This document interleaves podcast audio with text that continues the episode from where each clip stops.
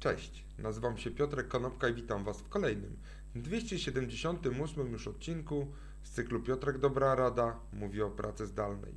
Dzisiaj powiem kilka słów na temat pięciu modeli, które pojawią się prawdopodobnie niedługo, jak ta pandemia przestanie nam tak mocno zagrażać. E, a o co chodzi w tych modelach pracy? Bo dzisiaj to tak naprawdę w bardzo dużej mierze mówimy o pracy zdalnej. Do niedawna mówiliśmy o pracy stacjonarnej, ale oczywiście jest dużo rzeczy pośrodku. I teraz chciałbym opisać, nazwać i zdefiniować w jakiś sposób te modele pracy, które inkorporują za, zarówno pracę zdalną, jak i pracę stacjonarną. Po pierwsze, na pierwszym miejscu jest to taka praca hybrydowa, ale biurocentryczna. Co to znaczy?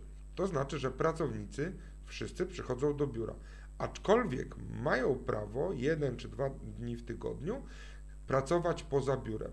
Najczęściej ten model wybierają firmy, które wierzą, że pracownicy zgrupowani w jednym miejscu są lepszymi pracownikami.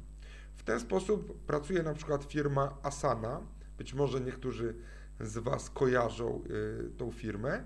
Asana pozwala swoim pracownikom pracować zdalnie y, czy poza firmą wyłącznie w środy. Podobno takie podejście nie ogranicza elastyczności pracy zdalnej. Na drugim miejscu mamy w pełni elastyczną hybrydę. To pracownicy wybierają, czy danego dnia chcą pracować z biura, czy będą pracować z domu, spoza biura. Ten sposób na przykład Ford dał swoim pracownikom etatowym możliwość wyboru takiej pracy. Po trzecie mamy hybrydę remote friendly.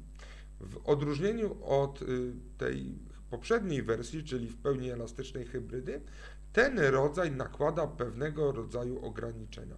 To znaczy, na przykład, możecie pracować zawsze y, zdalnie, ale nie wolno Wam pracować zdalnie w niektóre piątki albo w niektóre poniedziałki, albo na przykład maksymalnie w pracy zdalnej czy w pracy y, w domu może być na przykład nie wiem, 25% zespołu. Po czwarte mamy hybrydę, która na pierwszym miejscu stawia zdalne biuro. Jest to używana wersja przez na przykład y, y, firmę HubSpot.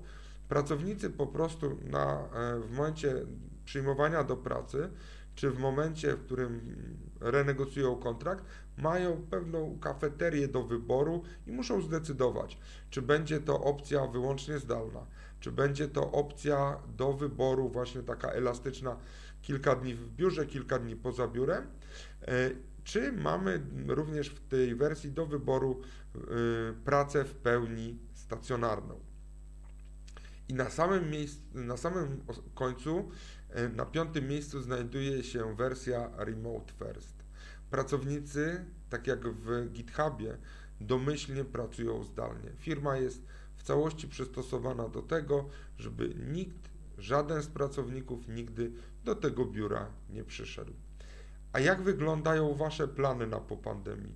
Który z tych modeli chcecie u siebie w firmie wdrożyć? Oczywiście wszystkie z nich mają plusy dodatnie i plusy ujemne, jak mówił klasyk.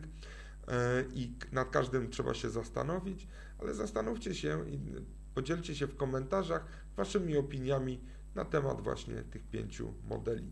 Dzięki serdeczne, do zobaczenia i usłyszenia jutro. Na razie.